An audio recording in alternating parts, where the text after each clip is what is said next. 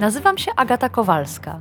Jestem dziennikarką Okopres i umiem zadawać pytania. Wciąż jeszcze wierzę, że świat można ponaprawiać, więc swoich gości, polityków i ekspertki pytam o rozwiązania. Swoje tematy dorzucacie i wy, słuchaczki i słuchacze powiększenia. Wspólnie wyrywamy się z pułapki, że nic się nie da i że nic nie ma sensu. Zawsze dochodzimy do sedna. No, prawie zawsze. Zapraszam.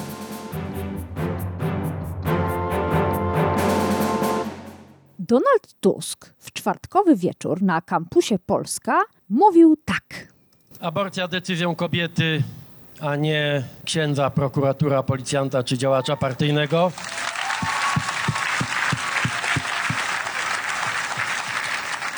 I zapisaliśmy jako konkretny projekt i y, będziemy gotowi zaproponować to Sejmowi pierwszego dnia po wyborach, po następnych najbliższych wyborach do parlamentu. Tam jest zapisane aborcja do 12 tygodnia, decyzja wyłącznie kobiety. I wiecie co, tu nie chodzi o to, że rozstrzygamy w ten sposób, czy aborcja jest ok, czy nie ok.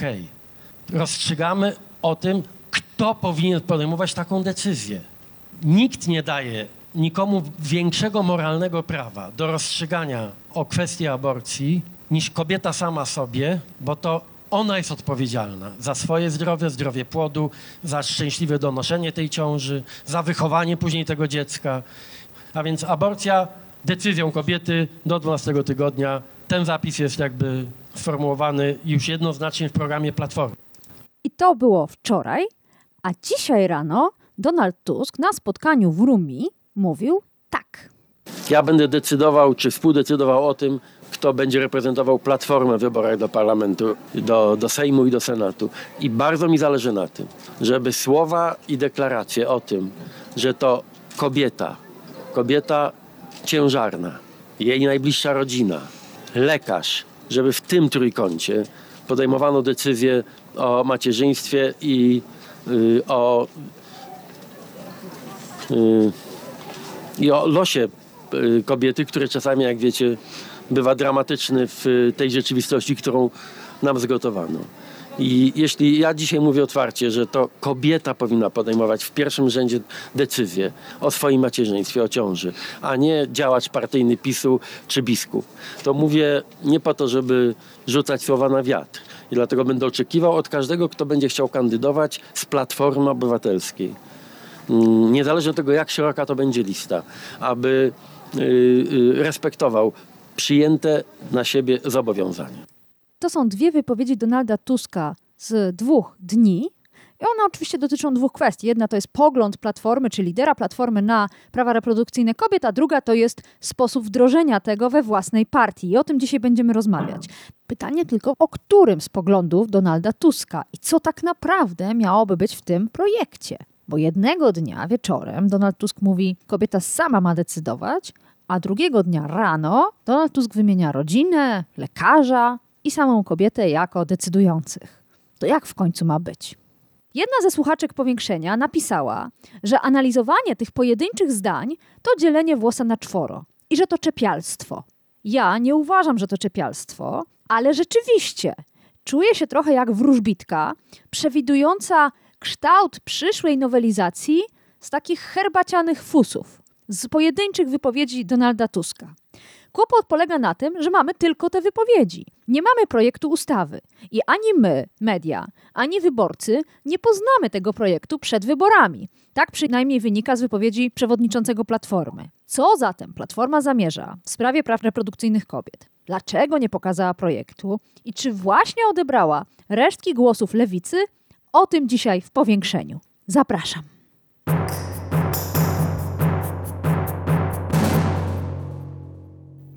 A naszym gościem jest pani posłanka Katarzyna Kotula z Lewicy. Dzień dobry, pani poseł. Dzień dobry, witam serdecznie. Zróbmy tak, jak to się robi w mediach, czyli najpierw porozmawiamy o polityce partyjnej, a na koniec o prawach kobiet. Czy pani zdaniem warto dzisiaj rozmawiać o tych pojedynczych zdaniach wypowiadanych przez Donalda Tuska? Ja się zdecydowanie, pani redaktor, zgadzam z tym, że warto taką analizę przeprowadzić, tym bardziej, że o walce o legalizację prawa do aborcji i o faktyczne oddanie tej decyzji kobietom, walczymy od ponad 30 lat. Oczywiście najgłośniejsze są te protesty, które odbywały się za czasów rządów Prawa i Sprawiedliwości, czyli mówimy o ostatnich siedmiu latach, o wielokrotnych próbach zaostrzenia też ustawy aborcyjnej. No ale trzeba pamiętać o tym, że przez e, ponad 20 lat w Polsce obowiązywał zgniły kompromis. I to nie jest tak, że kobiety nie chciały mieć tego prawa, bo one to prawo chciały, ale to politycy, ale oczywiście także duchowni przez ostatnie lata decydowali o tym, jak będzie wyglądał dostęp do aborcji, czy on będzie, czy też go nie będzie, czyli czy będziemy szli w kierunku zaostrzania. No, najbardziej mm, radykalnym zaostrzeniem była oczywiście, był wyrok Trybunału Konstytucyjnego Julii Przyłębskiej, który spowodował, że to prawo aborcyjne, które i tak już było surowe, stało się najsurowsze, właściwie można powiedzieć, w całej Europie. Dzisiaj słyszymy słowa, słyszymy deklaracje, nie ma konkretnego projektu. Ja oczywiście mm, cieszę się, to dobrze, że konserwatywni politycy mm, zaczęli mówić ludzkim głosem i że oni zmienili zdanie w kwestii dostępu do aborcji i że mówią dzisiaj o tym, że ten wybór powinien należeć do kobiety, ale Platforma Obywatelska już prawie dwa lata temu deklarowała, że zdanie w tej sprawie zmieniła. Projektu nie ma, więc nie możemy dzisiaj mówić o szczegółach. Lewica, jako reprezentantka lewicy, mówię otwarcie, jest w tej sprawie wiarygodna, bo lewica już na początku dziewiątej kadencji Sejmu taki projekt, obszerny projekt złożyła, projekt, w którym jest też edukacja seksualna, projekt, w którym jest też dostęp do nowoczesnej, refundowanej antykoncepcji. Natomiast później Lewica była częścią Komitetu Legalna Aborcja bez kompromisów i mówimy tutaj o tym projekcie, który swoje czytanie, projekcie obywatelskim, który swoje czytanie miał w czerwcu, który niestety e, został odrzucony i dalej procedowany nie był. Więc jeśli chodzi o lewicę, to możemy powiedzieć sprawdzam, możemy zobaczyć jakie projekty lewica przygotowała albo jakie popierała, E, I tam są konkretne rozwiązania. Jeśli no, ja zapytałam dzisiaj... o Donalda Tuska, a pani mówi o lewicy. To jest ciekawe, bo to właściwie pokazuje taką typową pragmatykę medialną polityków, polityczek i ja się temu nie dziwię. Ale skoro już ta pragmatyka wyborcza, czy pragmatyka polityczna, partyjna wystąpiła w powiększeniu, to też o niej chciałam porozmawiać, bo rzeczywiście Platforma projektu nie przedstawiła, chociaż tak naprawdę projekt nowelizacji ustawy antyaborcyjnej może być e, bardzo krótki, to można zmienić kilka przepisów, a nie całą ustawę, ale Donald Tusk zapowiada, że dzień po wyborach dopiero przedstawi. To jest trafne, słuszne z punktu widzenia pragmatyki wyborczej, prawda? To znaczy, diabeł tkwi w szczegółach oczywiście, bo my faktycznie słyszymy różne deklaracje lidera Platformy Obywatelskiej, czy też przedstawicieli Platformy Obywatelskiej, którzy, można powiedzieć, zmierzają w kierunku całkowitej liberalizacji ale trudno mi dzisiaj zrozumieć, dlaczego Donald Tusk mówi także, że takiego projektu nie będzie przed wyborami. No jak to? to Naprawdę? Pani polityczce trudno to zrozumieć? Ja wiem dlaczego. A no ja proszę wiem, powiedzieć, dlaczego? Ma, ale ja bardzo chętnie, ja bardzo chętnie taki projekt bym zobaczyła. Ale to ja też, wyobrażam... ale nie mamy. Ale dlaczego go nie ma? Bo ja uważam, że to jest właściwy z punktu widzenia pragmatyki wyborczej ruch. Nie przedstawiam projektu, rzucam tylko pewne hasła, które wzbudzają entuzjazm. Słyszeliśmy oklaski w tle. Więc dlaczego się tak robi w polityce? Dlatego się tak robi, że diabeł tkwi w szczegółach. Czy to faktycznie będzie decyzja tylko i wyłącznie kobiety, czy to będzie decyzja kobiety po konsultacji z lekarzem, czy też z psychologiem, a przecież wcześniej takie właśnie deklaracje Platforma Obywatelska składała. No jest różnica pomiędzy jednym a drugim podejściem. Wyobrażam sobie niestety też, że pułapka jest taka, że może się okazać, że po wyborach będą sprawy ważniejsze, bo tak niestety w sprawach praw kobiet, a szczególnie prawa do aborcji, zawsze było. To znaczy, historia nam pokazuje, że zawsze po wyborach Wyobrażam sobie i oczywiście in plus mówię tutaj, że otwiera się pewna droga do współpracy, bo Platforma zmierza w kierunku e, stanowiska lewicy w tej sprawie, więc to otwiera drogę do współpracy, do dialogu po wygranych wyborach i do tego, żeby raz na zawsze tą sprawę dostępu do aborcji i legalizacji aborcji załatwić, ale tak jak mówiłam, diabeł tkwi w szczegółach. No, znamy stanowisko Szymona Hołowni, ono jest konkretne, czyli ono mówi o referendum. My tego rozwiązania absolutnie nie popieramy, uważamy, że ono jest złe, a dzisiaj słyszymy tylko różne deklaracje, bo łatwo jest dzisiaj powiedzieć, że to powinna być decyzja kobiety, ale czy to faktycznie będzie decyzja samej kobiety, czy to będzie decyzja po wymuszonej konsultacji na przykład z psychologiem, jakie będą szczegóły tych rozwiązań o których dzisiaj Platforma Obywatelska mówi, nie wiemy dzisiaj, a tak jak powiedziałam, e, one mogą się między sobą znacznie różnić. A właśnie, właśnie, bo wspomniała pani Szymona Hołownię.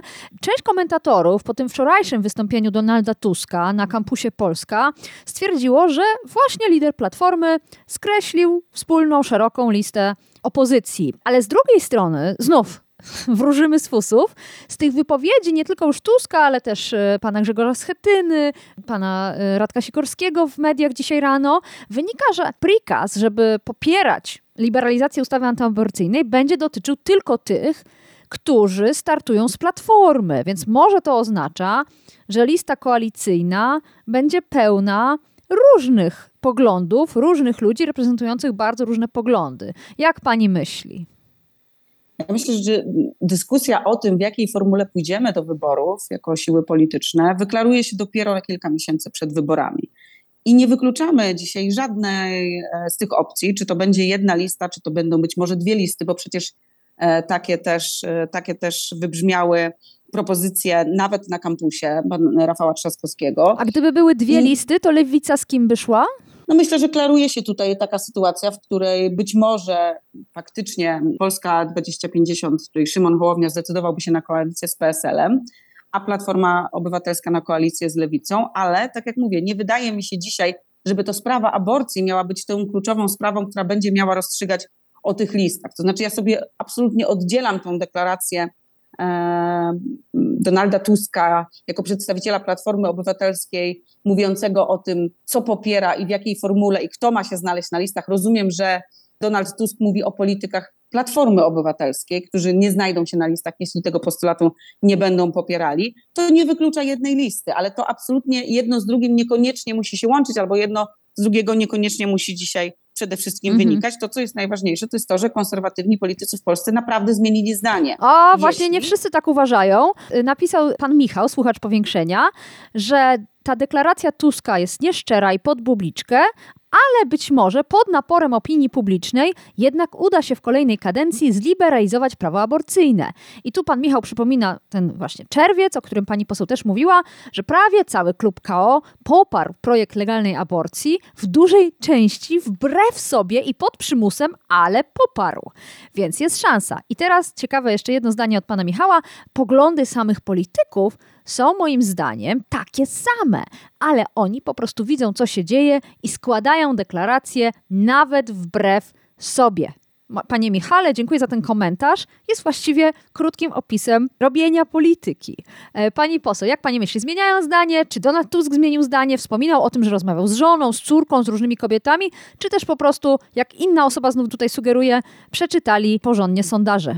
Myślę, że warto w tym momencie przypomnieć, że projekt Legalna Aborcja bez kompromisów, czyli projekt obywatelski, głosowanie tego projektu dotyczyło tylko odrzucenia projektu w pierwszym czytaniu. To nie do końca, mówiąc szczerze, było głosowanie za tym projektem. I tutaj bardzo łatwo można było faktycznie głosować przeciwko e, odrzuceniu w pierwszym czytaniu, bo nie do końca to głosowanie było jakąkolwiek deklaracją za pełnią praw reprodukcyjnych. No, taka jest prawda.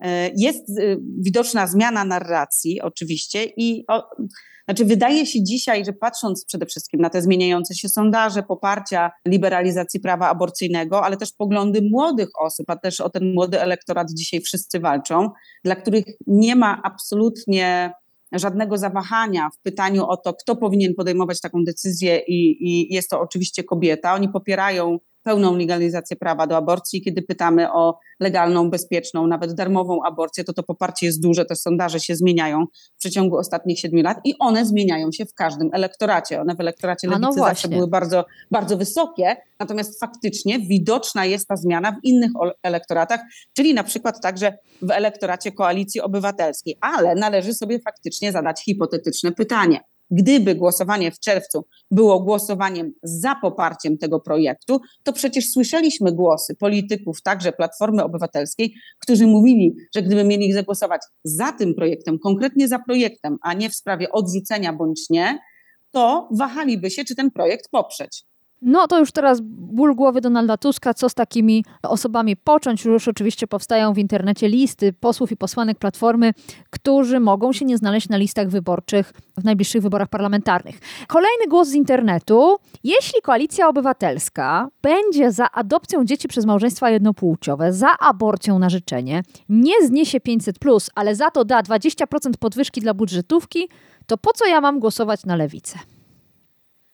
Ja myślę, że przede wszystkim należy sobie uczciwie dzisiaj powiedzieć, że Donald Tusk testuje. To jest jeszcze taki moment, w którym prawdopodobnie Donald Tusk uznał, że może jeszcze testować deklaracje, które być może sięgają po jakiś nowy elektorat w różnych obszarach. Taki, który określa się mniej więcej jako lewicowy także, elektorat wśród młodych, bo padały też różne deklaracje na kampusie Rafała Trzaskowskiego, które dotyczyły chociażby wczoraj atomu. W mojej ocenie to jest testowanie trochę testowanie własnego elektoratu, czyli czy to poparcie we własnym elektoracie się utrzyma, pomimo tych deklaracji, które idą w stronę, no może, można powiedzieć, że trochę w stronę lewicy, ale nie tylko. Dzisiaj jeszcze jest na to czas i wydaje mi się, że to jest strategia Donalda Tuska na dziś, tak? bo łatwo jest dzisiaj złożyć każdą deklarację, nawet mówiącą o e, czterodniowym tygodniu pracy, która też z różnymi emocjami Ale kampania wyborcza przyjęta. polega na składaniu deklaracji. Więc jeszcze raz, dlaczego ktoś miałby głosować na lewicę, jeśli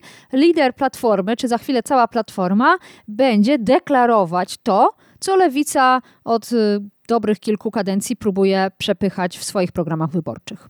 No tak, tylko warto chyba przypomnieć i trzeba sobie zdać sprawę z tego, że sprawy określane jako światopoglądowe, a tak naprawdę prawno-człowiecze, to jest jedna noga lewicy tylko. No różnimy się w kwestii podejścia do, do gospodarki, w kwestii spraw e, socjalnych, czyli całej w ogóle polityki społecznej, znacząco od koalicji obywatelskiej, więc nie chciałabym, żebyśmy mówili, że lewica określają tylko te tematy dotyczące praw człowieka. One oczywiście są ważne dla lewicy.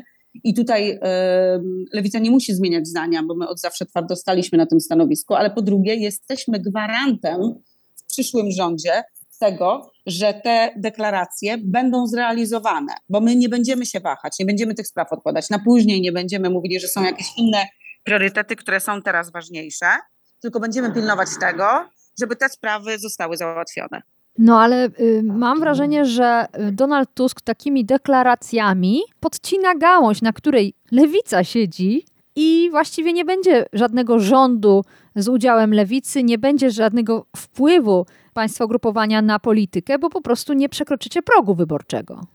Pani redaktor, prawda jest taka, że nie da się w przyszłym rządzie, jeśli opozycja wygra wybory, rządzić bez lewicy. E, I lewica będzie gwarantem nie tylko tych spraw dotyczących praw człowieka, ale tych wszystkich, o których mówiłam, czyli także chociażby polityki społecznej. Nie można dzisiaj powiedzieć, że można wygrać wybory bez lewicy. To po prostu jest nierealne. To też oznacza, że być może w jakiś sposób te deklaracje otwierają nam drogę do współpracy w tych sprawach. Ja, tak jak mówię, to, to była dobra deklaracja, ją dobrze oceniam. Przede wszystkim e, dlatego, że krystalizuje nam się, można powiedzieć, jakaś droga, w kierunku której Platforma Obywatelska będzie zmierzała, jeśli chodzi chociażby o tematy aborcji, tematy dotyczące, e, te, tematy dotyczące praw kobiet. I e, nie będziemy musieli, mam nadzieję, że kiedy opozycja wygra wybory, tłumaczyć raz jeszcze Koalicji Obywatelskiej czy Platformie Obywatelskiej, dlaczego te tematy są ważne, priorytetowe i zasługują na to, żeby zaraz po wygranych wyborach się nimi zająć. No to przejdźmy do tych praw kobiet. Wracamy do wypowiedzi Donalda Tuska. Nie mamy projektu, nie wiemy, jak to miałoby być skonstruowane, ale zatrzymajmy się na tym, co powiedział dzisiaj rano, czyli miałaby to być decyzja kobiety, rodziny i lekarza i wyłącznie do 12 tygodnia ciąży. Co pani myśli o tego typu konstrukcji? Lewica, ten pierwszy projekt, który Lewica przedstawiła, to jest ważne, dlatego że odnosimy się do niego, ponieważ on został złożony w Sejmie. To był projekt szeroki, to był e, projekt podobny do projektu obywatelskiego Ratujmy Kobietę, bo przecież tych projektów legalizujących prawo aborcyjne było już na przestrzeni ostatnich kilku lat wiele, w tym kilka projektów obywatelskich. Tam w tym projekcie zapisane były także bardzo ważne kwestie dotyczące chociażby refundacji nowoczesnej antykoncepcji, legalizacji zabiegu sterylizacji, który jest no, dzisiaj także No tak, ale to pani mówi o tym swoim projekcie, a ja wyobrażam tak. sobie platformę, która dzień po wyborach przedstawia projekt i mamy tam zmienione przepisy ustawy tej pisowskiej i mamy e, mowa o tym, że kobieta ma prawo do przerwania ciąży po na przykład niech będzie po obowiązkowej konsultacji z lekarzem i e, już z tą rodziną to nie wiem, załóżmy, mm, że to chodzi o, o pewnego rodzaju wsparcie rodziny, że nie będzie przepisu, że trzeba się pojawić z kartką od męża, wyrażam zgodę. Więc co pani myśli o takiej procedurze? My przede wszystkim stoimy na stanowisku, że to faktycznie kobieta sama ma prawo mieć, dokonać tego wyboru, czy, czy i kiedy i z jakiego powodu e, potrzebuje dostępu do aborcji. Nie musi się e, z tej decyzji swojej nikomu tłumaczyć. Oczywiście w idealnym świecie e, nie musielibyśmy tego re regulować prawnie, no ale rzeczywistość jest taka, a nie inna. I wyobrażam sobie, że tak jak w większości państw europejskich ta decyzja tylko i wyłącznie należy do kobiety, chociaż w różnych państwach te zapisy się różnią, to tutaj mielibyśmy taką gotową ustawą, jest przecież ustawa legalna aborcja bez kompromisów. To jest ustawa, która jest dobra, gotowa i można ją wyciągnąć po wyborach i po prostu wprowadzić i przegłosować. Szczególnie biorąc pod uwagę, że mamy taką jasną deklarację Koalicji Obywatelskiej. To jest jeden z takich projektów, do którego natychmiastowo po prostu można by było wrócić. Ja rozumiem, ale ja cały czas pytam z myślą o tych wyborcach, którzy jak ten jeden słuchacz się wahają, po co właściwie mają głosować na lewicę, którzy będą chcieli wiedzieć, czy lewica, gdyby Platforma przedstawiła swój projekt, w którym e, będzie mowa o obowiązkowej konsultacji lekarskiej, czy wręcz zgodzie może lekarza, nie wiem, nie wiem jak to sobie wyobraża ta partia, to czy byście gł- głosowali za tym, czy też macie jakieś argumenty przeciw? Znaczy ja powiem osobiście, pani redaktor, jako osoba, która zajmuje się tym tematem i myślę, że większość parlamentarzystów i parlamentarzystek lewicy się ze mną tutaj zgodzi, że jeżeli będziemy wprowadzać liberalizację prawa aborcyjnego, w którym zrobimy dwa kroki do przodu, ale jeden krok w tył, to to nie jest dobry pomysł. My przez lata walczymy i walczyłyśmy ze zgniłym kompromisem, który w zapisach prawnych być może na papierze funkcjonował, ale w życiu i w rzeczywistości aborcyjnej się po prostu nie sprawdził. Jeśli mamy iść dzisiaj w kierunku takiego rozwiązania, które jednak będzie wymuszało zgodę lekarza, czy też obowiązkową konsultację psychologiczną, to to nadal będzie niestety krok w tył, po prostu. Dlaczego? I nie jesteśmy zwolennikami Dlaczego to jest krok w tył? Dla wielu tak zwanych zdroworozsądkowych komentatorów to brzmi bardzo sensownie. Oto mamy kobietę, która odkrywa, że jest w ciąży niechcianej i udaje się do lekarza, by rozważyć opcję i zastanowić się, czy przerwanie ciąży nie jest najlepszym pomysłem. Co w tym złego? No tak, no panie rektor, jak zobaczymy y, i porównamy różne rozwiązania, które funkcjonują na świecie i mówię tutaj chociażby o Stanach Zjednoczonych, ale jeszcze przed obaleniem wyroku Roe kontra Wade, to też mieliśmy w różnych stanach rozwiązania, w których na przykład przymusowe e, było mm, oglądanie przez kobietę ultrasonografii, tak? Czyli są takie rozwiązania, które e, wydają się, że, są, że idą w kierunku liberalizacji prawa aborcyjnego, ale gdzieś tam małym druczkiem na dole, niczym w umowie, jest jakiś kruczek. I takim kruczkiem może być obowiązkowa konsultacja z lekarzem lub z psychologiem. Innym rozwiązaniem zupełnie jest danie kobiecie takiej możliwości i zagwarantowanie jej Mhm. także systemowo tego, że będzie mogła na taką wizytę się zdecydować. Bo może są kobiety, które będą potrzebowały rozmowy z lekarzem, rozmowy z psychologiem, natomiast nie wyobrażam sobie, żeby obowiązkowo przed podjęciem tej decyzji musiała być ta konsultacja przeprowadzona i żeby lekarz bądź psycholog mieli wpływ na tą decyzję. No bo wiemy, w jakim państwie żyjemy, jakie, jak, jak wyglądało to obowiązujące prawo przez ostatnie 30 lat.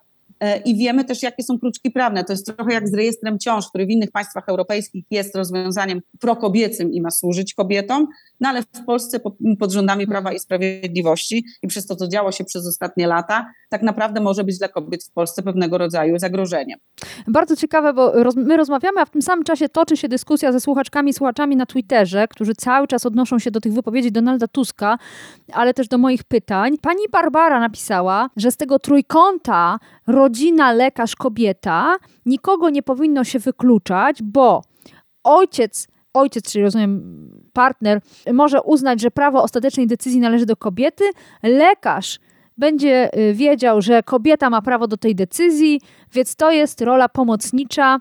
I, i tu zastanawiam się, Pani Barbaro, czy ostatnie 30 lat spędziła Pani w Polsce, bo y, gdyby było tak, jak Pani mówi, to nie mielibyśmy tylu aborcji przeprowadzanych poza systemem. No i dalej Pani Barbara pisze, czy Pani postuluje, by kobiety same usuwały sobie ciążę, by przypadkiem nikt na nie nie wpłynął. No i tutaj y, zastanawiam się, czy pani Barbara wie o tych wszystkich kobietach, które w Tak. domu przerywają ciążę. Tak, no dzisiaj, dzisiaj większość kobiet w Polsce przerywa ciążę za pomocą aborcji No farmakologicznej. właśnie. Politycy też bardzo często mówią przecież o jakimś podziemiu aborcyjnym. Ja, e, ja prawo aborcyjne w Polsce śledzę od roku e, 97, też od czasu, można powiedzieć, zaostrzenia i faktycznie w latach 90. i 2000 to podziemie aborcyjne było bardzo żywe.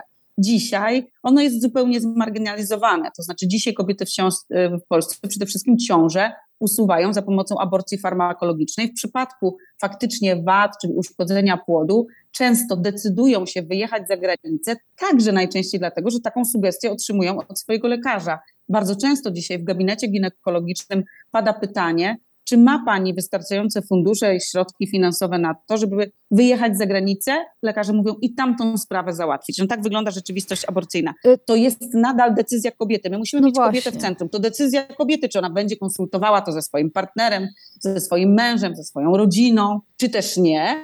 Natomiast absolutnie jest to jej decyzja, a lekarz, rozumiem jego rolę pomocniczą, ale rolą lekarza jest po prostu ten zabieg przeprowadzić. I oczywiście asystować kobiecie w tym. Natomiast nie może być sytuacji, w której ten lekarz ma wpływ na tą decyzję kobiety, a wyobrażam sobie, że niestety często mogłoby być tak, że to on tą decyzję za kobietę by podejmował. Gdyby to działało, to nawet jakkolwiek, a bardzo zły był e, zapis dotyczący kompromisu aborcyjnego, to on by działał, a on też nie działał, bo przecież na mapie wszystkich raportów dotyczących corocznych legalnych aborcji, których było mało, bo ponad 1000-1050 rocznie, mieliśmy białe plamy, takie jak chociażby Podkarpacie, gdzie żadna kobieta przez kilka lat nie otrzymała wsparcia i nie otrzymała pomocy i żaden lekarz nie zdecydował się nawet na zastosowanie tych legalnych przesłanek. No to pokazuje, w jakiej rzeczywistości my tak naprawdę e, żyjemy No też, przez y, ostatnie lata. Z tych opowieści, e, między innymi działaczek aborcyjnego Dream Teamu, wynika jasno,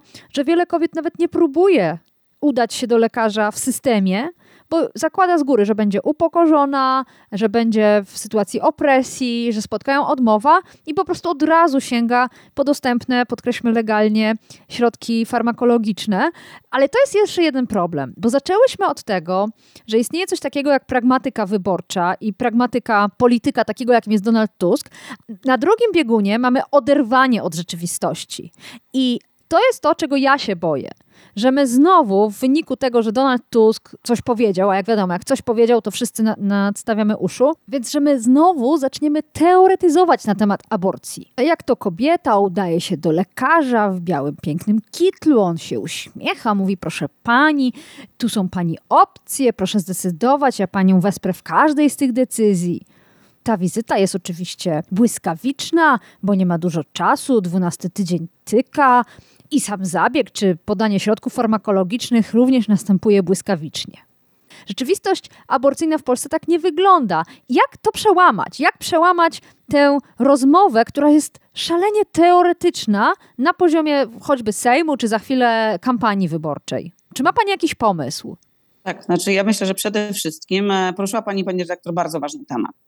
Bo mm, my dzisiaj bardzo często podajemy przykład Irlandii jako przykład pewnego zwycięstwa. Tak? Szymon Hołownia także się do, do Irlandii e, odnosi wtedy, kiedy mówi o referendum, choć tamta rzeczywistość była zupełnie inna, bo dotyczyło, dotyczyła poprawki do konstytucji. Natomiast to nie załatwiło sprawy. Czyli nadal jest tak, że czasami lekarze się nie decydują na to, żeby e, aborcję przerwać przez lata w Polsce istniały te dwie rzeczywistości, czyli tych rządowych statystyk i tej rzeczywistości, która się zmieniała. Było podziemie aborcyjne, turystyka aborcyjna. Teraz mamy e, aborcję farmakologiczną, mamy takie organizacje pomocowe, jak na przykład aborcyjny Dream Team, Aborcja Bez Granic i, i inne międzynarodowe organizacje, które kobietom w Polsce pomagają i kobiety ten dostęp do aborcji faktycznie przede wszystkim szukają go pozasystemowo. Mhm. Musimy wrócić do dyskusji postawić kobietę w centrum i wrócić do dyskusji o rzetelnej edukacji seksualnej, o refundacji środków antykoncepcyjnych, o dostępie do ginekologa, o opiece okołoporodowej, której przecież standardy spadły. Przez lata walczono o to, żeby one były na wysokim europejskim poziomie, a przez politykę e, rządów Prawa i Sprawiedliwości dotyczącą praw kobiet, ona mam wrażenie, że też jest dzisiaj niestety na niższym poziomie.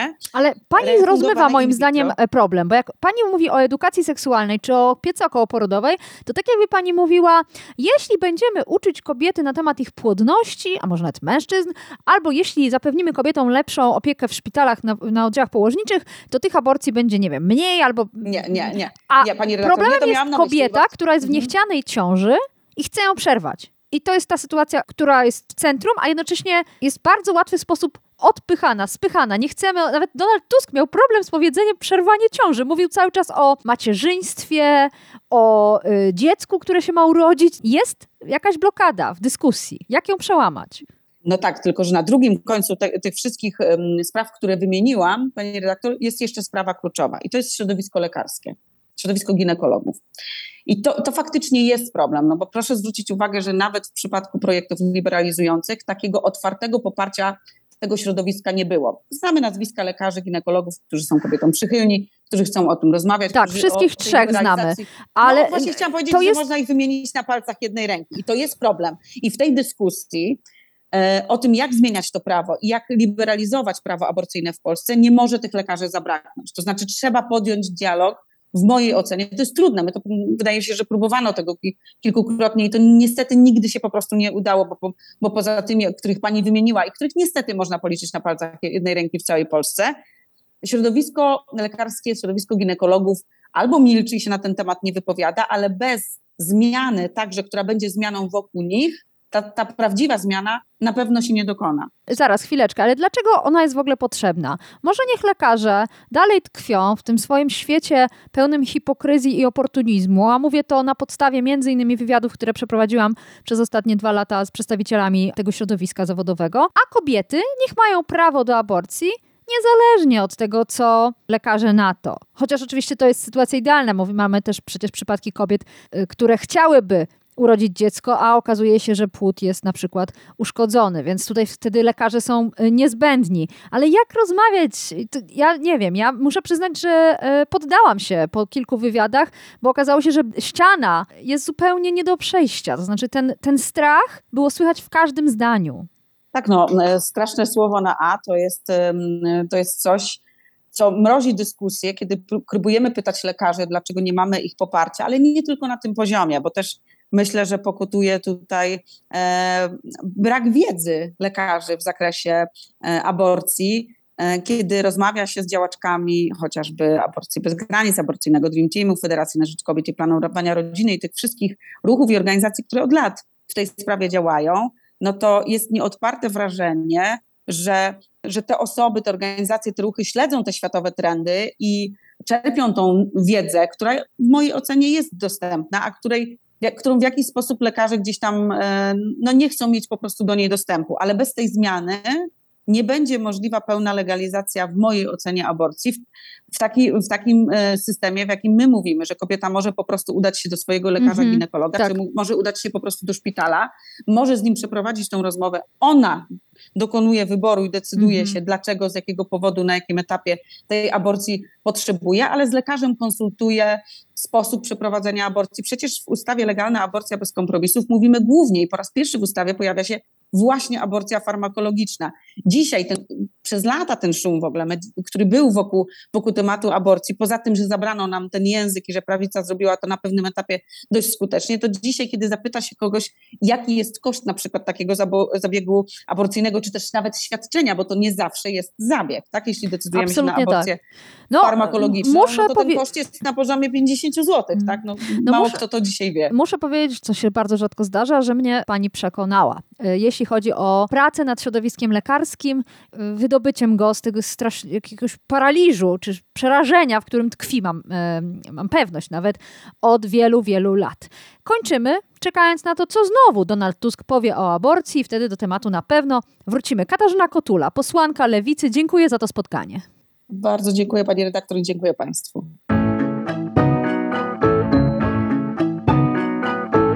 To było Powiększenie, podcast Agaty Kowalskiej.